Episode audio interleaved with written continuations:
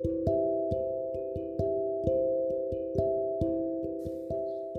うも、アルビです。最近、ストーリーテリングに興味があります。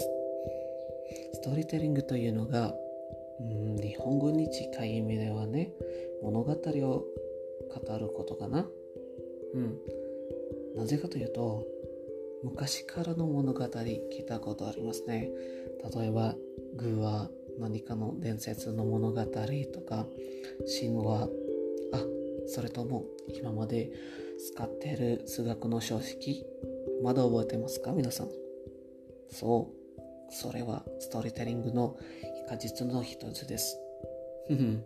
もちろん数学のことと物語の伝え方が違いますが、確かのは語りは人間に心理的な必要ものであり人間の文化と知識を進化にすれて重要なものの一つです。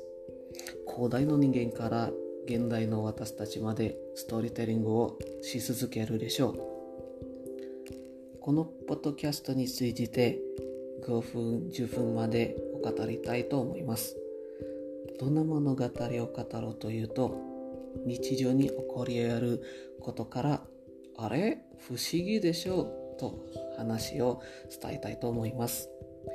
PS じゃなくて私からのメッセージなんですけど事実を確認するまでもなくただ聞いて物語を鑑賞をお願いします。それだけでも十分です。はい。ようこそ。さあ始めましょう。